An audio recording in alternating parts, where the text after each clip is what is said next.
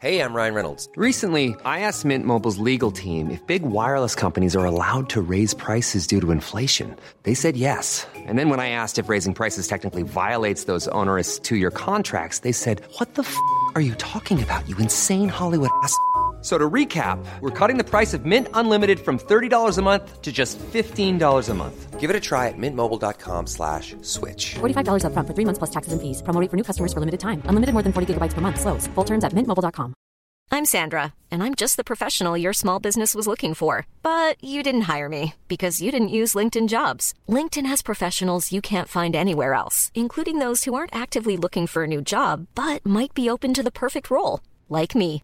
In a given month, over 70% of LinkedIn users don't visit other leading job sites. So if you're not looking on LinkedIn, you'll miss out on great candidates like Sandra. Start hiring professionals like a professional. Post your free job on linkedin.com slash spoken today. Get up to 30% off wedding jewelry at BlueNile.com and remember the joy of your wedding day forever. Blue Nile offers everything from diamond and lab-grown diamond wedding bands to classic pearls, earrings you can design yourself, even gorgeous sapphire pieces for your something blue. Whatever you choose, Blue Nile's pieces are all graded for excellence for a lasting memento as brilliant as the love that inspired it. Right now, get up to 30% off at BlueNile.com. BlueNile.com. Du lytter til en podcast fra TV2.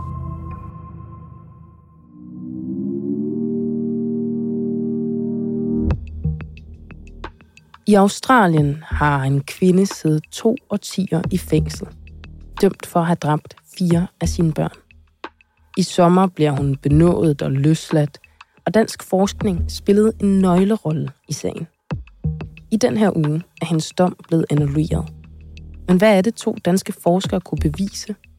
Og hvordan brugte Kathleen Folbæk, som kvinden hedder, sin første aften som en fri kvinde det spurgte min kollega Joachim Claus Høj Bindslev, journalist Sara Lådal om tilbage i juni måned. Det afsnit, det kommer her.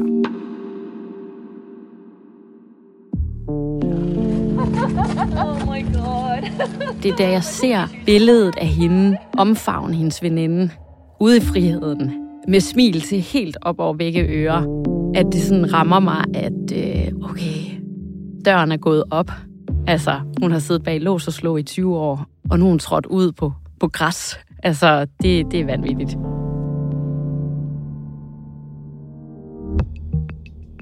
Hun er blevet kaldt Australiens mest forhatte kvinde og værste kvindelige seriemorder. Der er tale om et justitsmord. Altså, der er tale om det vildeste, muligvis, justitsmord i Australiens historie nogensinde. Altså, vi taler om en kvinde, som er dømt for at have myrdet og kvalt hendes egen fire børn spædbørn. Men dansk forskning viser, at der måske er en anden forklaring.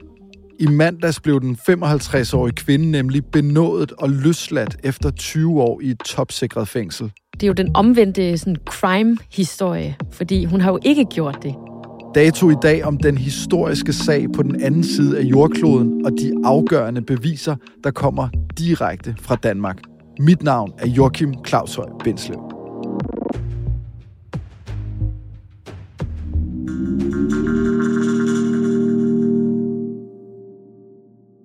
Det, der sker, det er, at Kathleen Folbæk, som har siddet i fængsel i 20 år, hun bliver benådet. Så den her rigsadvokat, der er i Australien, kan gå til guvernøren og sige, på baggrund af en hel masse høringer, der er foregået i det her år og sidste år, så indstiller jeg til, at hun bare skal løslades. Vi skal udvise mercy. Vi skal benåde hende. Og hun får cirka 10 minutter, og så bliver hun løsladt. Sara Lådal er journalist og tilrettelægger, og så arbejder hun lige nu på TV2 med en dokumentar om den her spektakulære sag. Det her, det sker jo i Australien. Hvorfor er det interessant for os her hjemme i Danmark? Det helt særlige, det er, at i Aalborg på universitetet, der sidder der faktisk to meget danske personer, der hedder Mette og Michael. Og de sidder og forsker og er super nørder inden for hver deres felt. Mette er genforsker, Michael han er proteinforsker. Og ikke nok med det, så de to gift. Og de er simpelthen ybernørder, og de ved noget helt, helt særligt om en genmutation.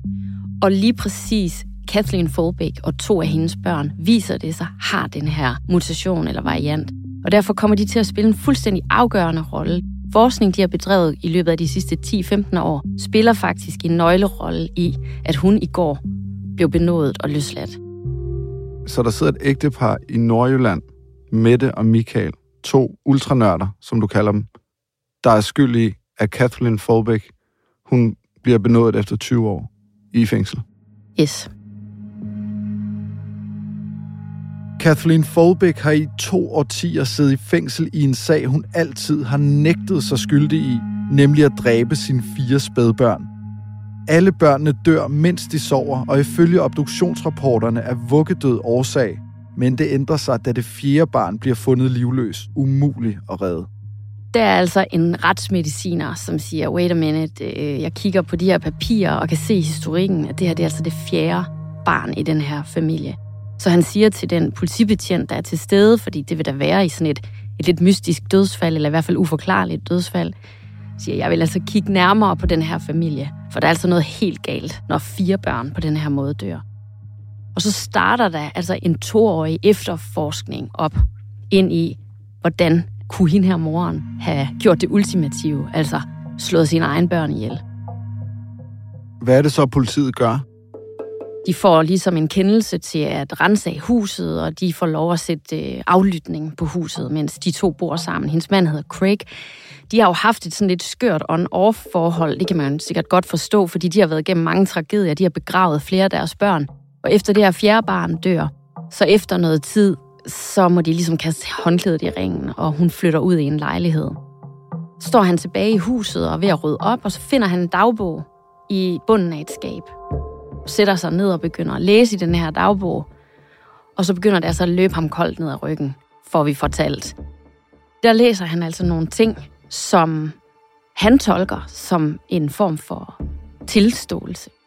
Hun skriver for eksempel sådan noget som, Sarah went away with a little bit of help. Altså Sarah, deres tredje barn. Altså at hun forsvandt, men med en lille smule hjælp. Hvad skal det betyde? Hun giver også udtryk for mange frustrationer. For eksempel, I wish you would shut up, and one day she did.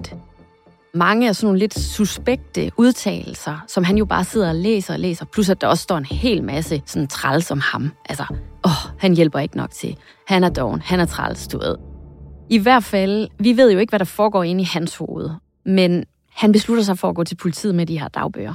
Så han kontakter den her efterforsker og siger, prøv at høre, jeg har fundet det her, der er noget helt galt. Jeg tror simpelthen, hun har gjort det.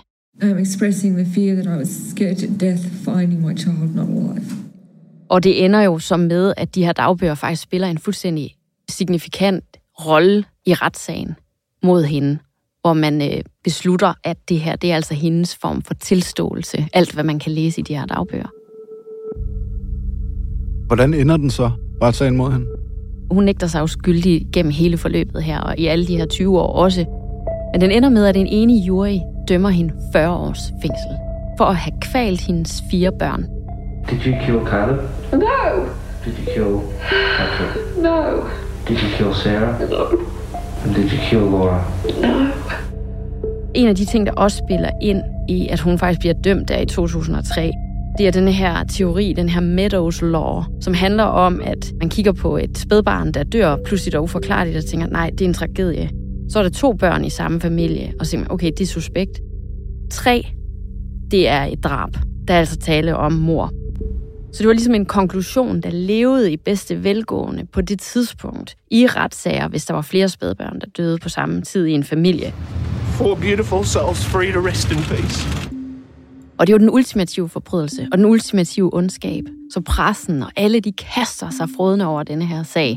Så over tre uger, der bygger anklageren et billede af det her monster, som var øh, aggressiv, og som, når hun mistede besindelsen, som der står, så kvalte hun sit barn.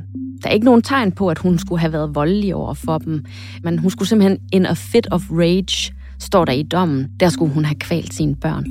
Og det bliver hun dømt for. Hun får 40 år, og det ender med, at hun øh, året efter får det nedsat til 30 år, og det er så den dom, hun afsonede indtil i går. Den her far, Craig, han bliver ikke dømt eller noget for de her fire dødsfald. Nej, øhm, ret hurtigt tror jeg, man finder ud af, at da det fjerde barn dør, er han for eksempel på arbejde. Så der er ikke været grund til at rejse mistanke om omkring ham. Og så kan man sige, at hele den her dom er bygget op på det, man kalder øh, tendency and coincidence. Altså på dansk, der er en, ligesom en tendens til at slå ihjel. Man har kigget på alle de sammenlignelige ting blandt de fire dødsfald. Altså at det hver gang har været hende, der har fundet dem. At de altid har været sådan næsten varme, når hun har fundet dem. Ikke? Så det har jo været sådan lige efter, de holdt op med at trække vejret. Og det har været, mens de sov. Og nogle gange, når hun har været alene, men, men også andre gange, hvor han har været der. Men man har ligesom stykket det sammen til, at, at ud fra alle de her parametre, jamen så er det kun plausibelt, at det er hende, der skulle have gjort det.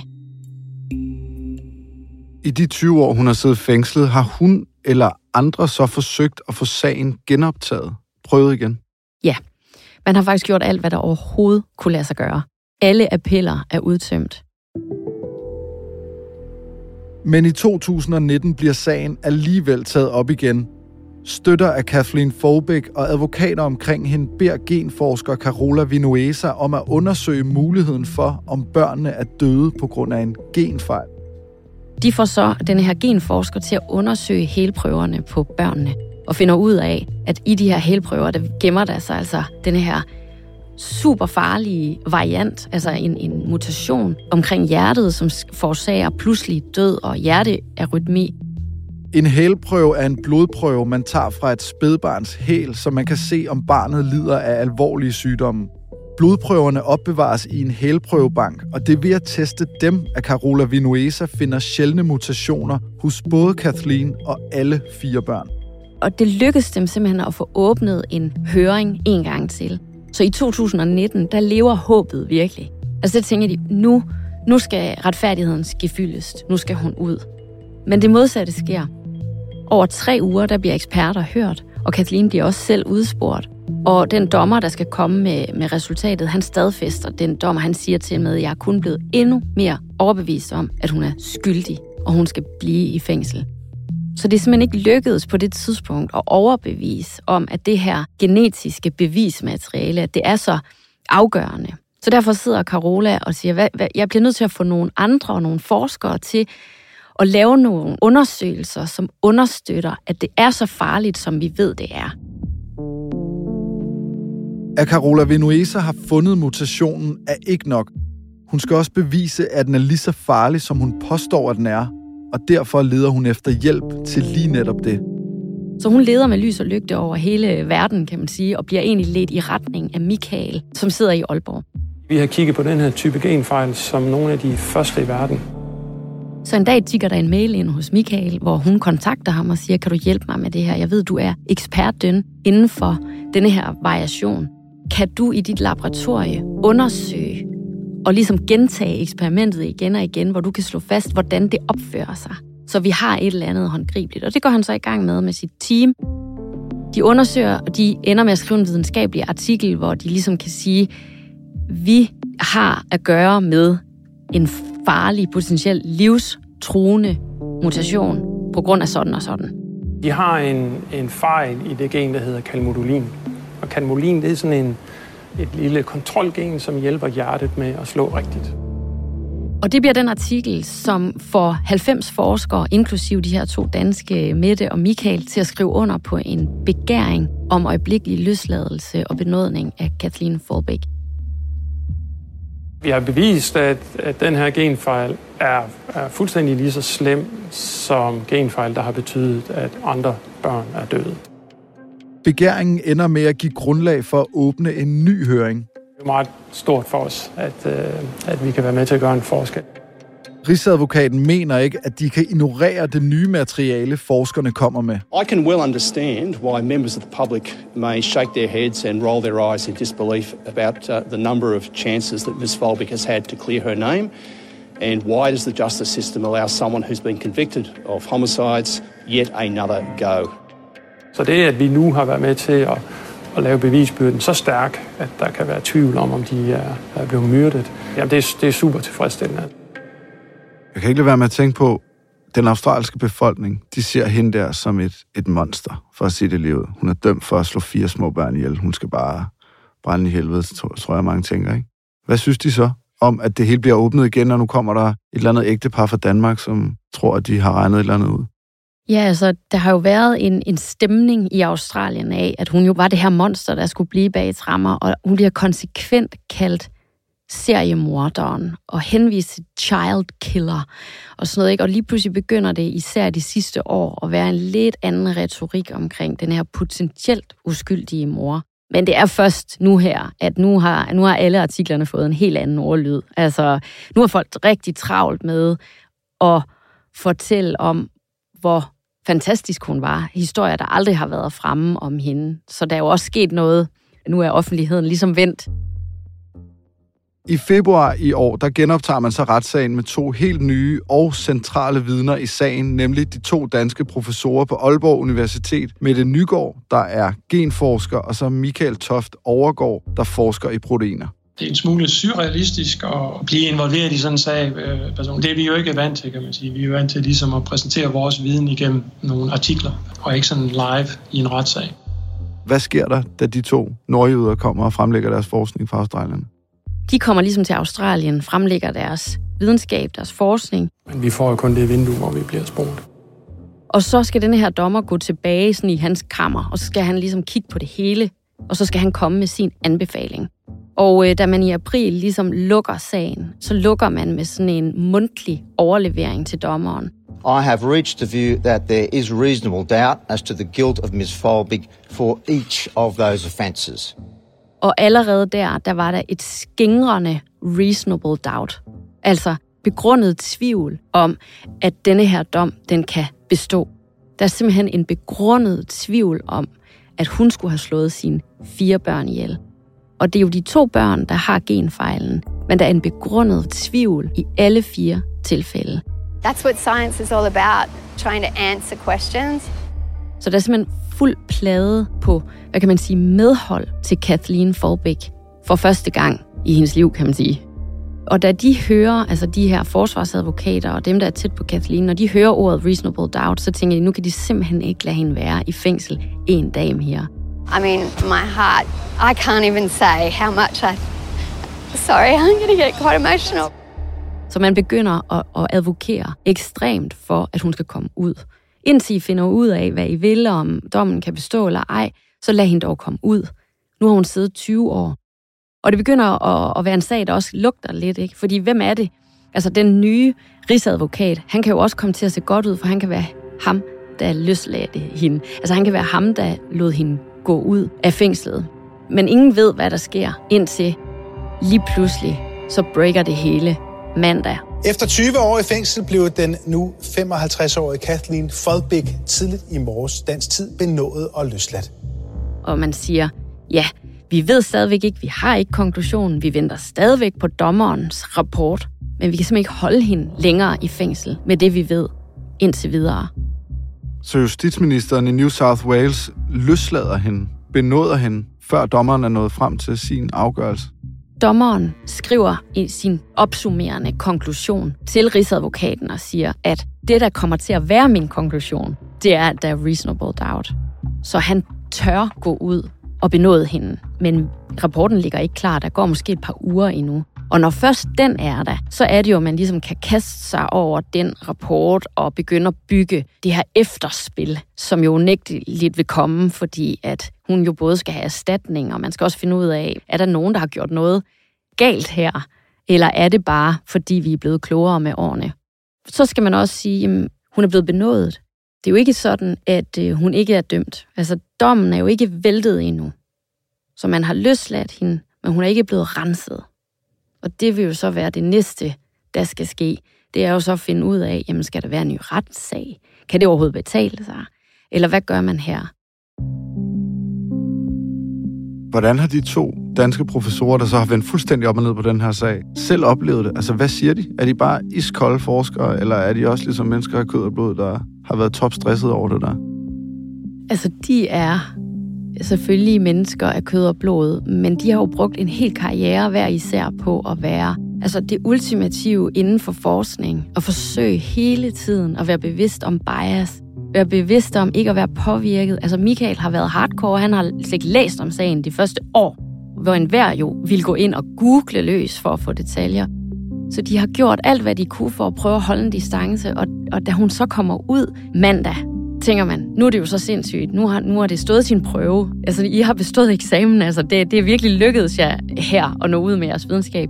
Så er de alligevel sådan, ja, videnskaben har sejret. Vi har brugt så meget krudt på at holde det personlige og menneskelige ude, at det er svært bare lige at lade det komme ind og gøre den, det helt store indtryk, men, men det gør det jo. Det var selvfølgelig helt uvandt for dem, kan man sige, det her. De, de har jo deres øh, hverdag. Men øh, lettet på en eller anden måde, det er det, de giver udtryk for over, at det bliver taget seriøst, det de laver. Altså det er et kæmpe skridt for det felt, de opererer, at så kompleks videnskab faktisk har spillet en rolle, er blevet taget seriøst i et helt andet system, som opererer på andre måder, altså retssystemet. Hello, uh, it's Kathleen. I'm extremely humbled and extremely grateful for being pardoned and released from prison. Da Kathleen Folbig bliver løsladt, bliver hun kørt direkte til veninden Tracy Chapman, altså ikke den amerikanske sangerinde, men en kvinde med samme navn. Veninden smider alt, hvad hun har i hænderne og gør klar til Kathleens ankomst. Jeg ser jo også det her videoklip, hvor Tracy står og dørene til den her hvide varevogn går op, og ud kommer Kathleen, og de giver hinanden de her kram, altså, som de har længtes efter at give så længe, og står der og, og bare altså, smiler og der har hun simpelthen forberedt et øh, værelse til hende. Der er lagt pyjamas frem, hun skal have på, fordi det er første nat, hun kan sove, tage sit eget tøj på, hun kan sove i. She said it was the first time she's been able to sleep properly in 20 years, even though it was brief last night. Og så har Kathleen selv bestilt en T-bone steak. Så alt er gjort klart, hun kommer ind på denne her farm, og så sidder de og drikker Kahlua og cola first alcoholic beverage was a flashback for the for the last 20 years of a Kahlua and Coke. Som simpelthen er det, de vælger at drikke på den store aften i friheden. We didn't get our steak for dinner, which was a bugger. So, so we've had pizza last night. Så der sidder de nostalgisk og skåler, og hun fortæller Tracy Chapman, at de ender med at spise pizza og garlic bread og, og hygger sig, og, og der kommer flere veninder forbi. Flere veninder, som har skrevet til mig i løbet af aftenen, og at, at det var helt fantastisk at give hende et kram. Det havde de ventet længe på. Kathleen siger også, at der om aftenen, inden de skal sove, at hun har sådan helt ondt i kæberne, fordi hun har, hun har simpelthen smilt så meget. Altså, hun kan simpelthen ikke få det her smil af. Hun er så lykkelig. Hvordan kan det så være, at Kathleen Folbig ikke er død af den her genfejl? Kathleen er selv bærer af lige præcis den her ultra farlige fejl. Det er jo lige præcis også et spørgsmål, de får i retssagen. Beviser hun så ikke, at det ikke er farligt? Så det er et rigtig godt spørgsmål, og til det, så synes jeg, Mette har et, et utroligt godt svar, der gør det tydeligt for mig, hvad det er, der er på spil. Altså hun siger, hvis du går ind på et plejehjem og finder en dame på 104, som ryger 40 cigaretter om dagen, så kan du ikke bruge hende til at sige, rygning er ikke farligt, der kan I selv se. Hun lever jo. For med alt, hvad vi ved om rygning, så ved vi, det er mega farligt. Så derfor er det det mest sandsynlige, at de er blevet slået ihjel af den. Fordi den er farlig. Der er ikke ret mange, der lever med denne her. Og, og det er særligt, at Kathleen er overlevet med det. Det er dansk forskning, der viser sig at være udslagsgivende i forhold til, at den her sag får den her forløbig fuldstændig sådan eventyrlige udgang med et justitsmord, der ligesom bliver trævlet op er de to danske forskere helt spidse på, at deres forskning kan der ikke rokkes ved. Altså, de er ikke et sekund i tvivl om, at det, de har bidraget med, det er ligesom den skændbarlige sandhed. De står fuldstændig på deres videnskab, men de har også kun udtalt sig om det, de ved. Så de går ikke ind og vurderer på, om hun er skyldig eller ikke skyldig, eller gætter på, hvad der foregik i det rum den nat, klokken det og det, da det barn holdt op med at trække vejret. De forholder sig til det data, de facts, det de ved, og det står de på mål for. Mette, hun siger sådan, uha, jeg har jo lært hjemmefra, jeg skal jo ikke stikke næsen frem, så det er jo ikke rart at stille sig derud. Men det har de gjort, og der, det, de, det står de. De har ligesom stillet sig på det, de ved, og der står de altså fast. Der er ikke nogen, der kan, kan rokke ved det. Er der nogen, der mener, at hun er skyldig stadigvæk, selvom de der to danske forskere og nogle andre har været med til at vende op og ned? Ja, det er der. Og det vil der sikkert være til deres dødsdag. Og blandt andet i mandags gik Craig, som er hendes eksmand, ud gennem hans advokat. Craig is a shattered man, and his views have not changed about what occurred with his four children. Jeg er ikke blevet rykket. Altså, jeg tror på, at mine børn er blevet myrdet. På en og samme tid virker det her som en historisk sag, men den er også sådan meget enestående. Altså, kan man bruge den til noget i fremtiden? Den her genfejl bæres kun af omkring 130 mennesker i verden. Ja, og det er det jo på mange måder, er det jo den her helt enestående, spektakulære sag om det her just, mulige justitsmor. Der, hvor vi er i dag med videnskab, er det jo interessant, hvilken rolle det kommer til at spille i retssager fremover. The question must now be asked, how do we create a more science-sensitive legal system bringing to bear new, complex and emerging science routinely, every day, not just in exceptional cases. Vi jo langt beyond fingeraftryk. Vi kan begynde at se gamle sager i et nyt lys, fordi vi simpelthen ved mere, vi kan kortlægge mere, vi kan gå meget mere ned i detaljerne på gerningsmænd og så videre og så videre, og måske løse endnu flere mysterier, fordi vi kan kigge helt ind i generne. Så nu kender du Kathleen Folbigs gode veninde Tracy Chapman. Regner du med, at du øh, har en interviewaftale i fremtiden med, med Folbig? Altså, jeg har jo fulgt med det og Michael, og, og hvad kan man sige, deres rejse med deres videnskab, og det har været mit fokus.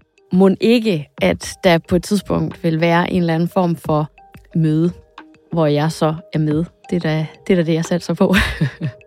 vi, uh, vi følger spændt med, Sara Lodal. Tusind tak, fordi du er med i dag. Selv tak. Husk, at du altid kan finde flere afsnit af Dato, der hvor du lytter til din podcast.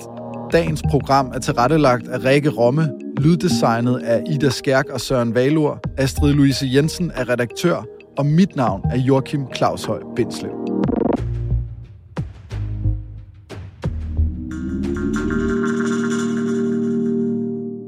Du har lyttet til en podcast fra TV2.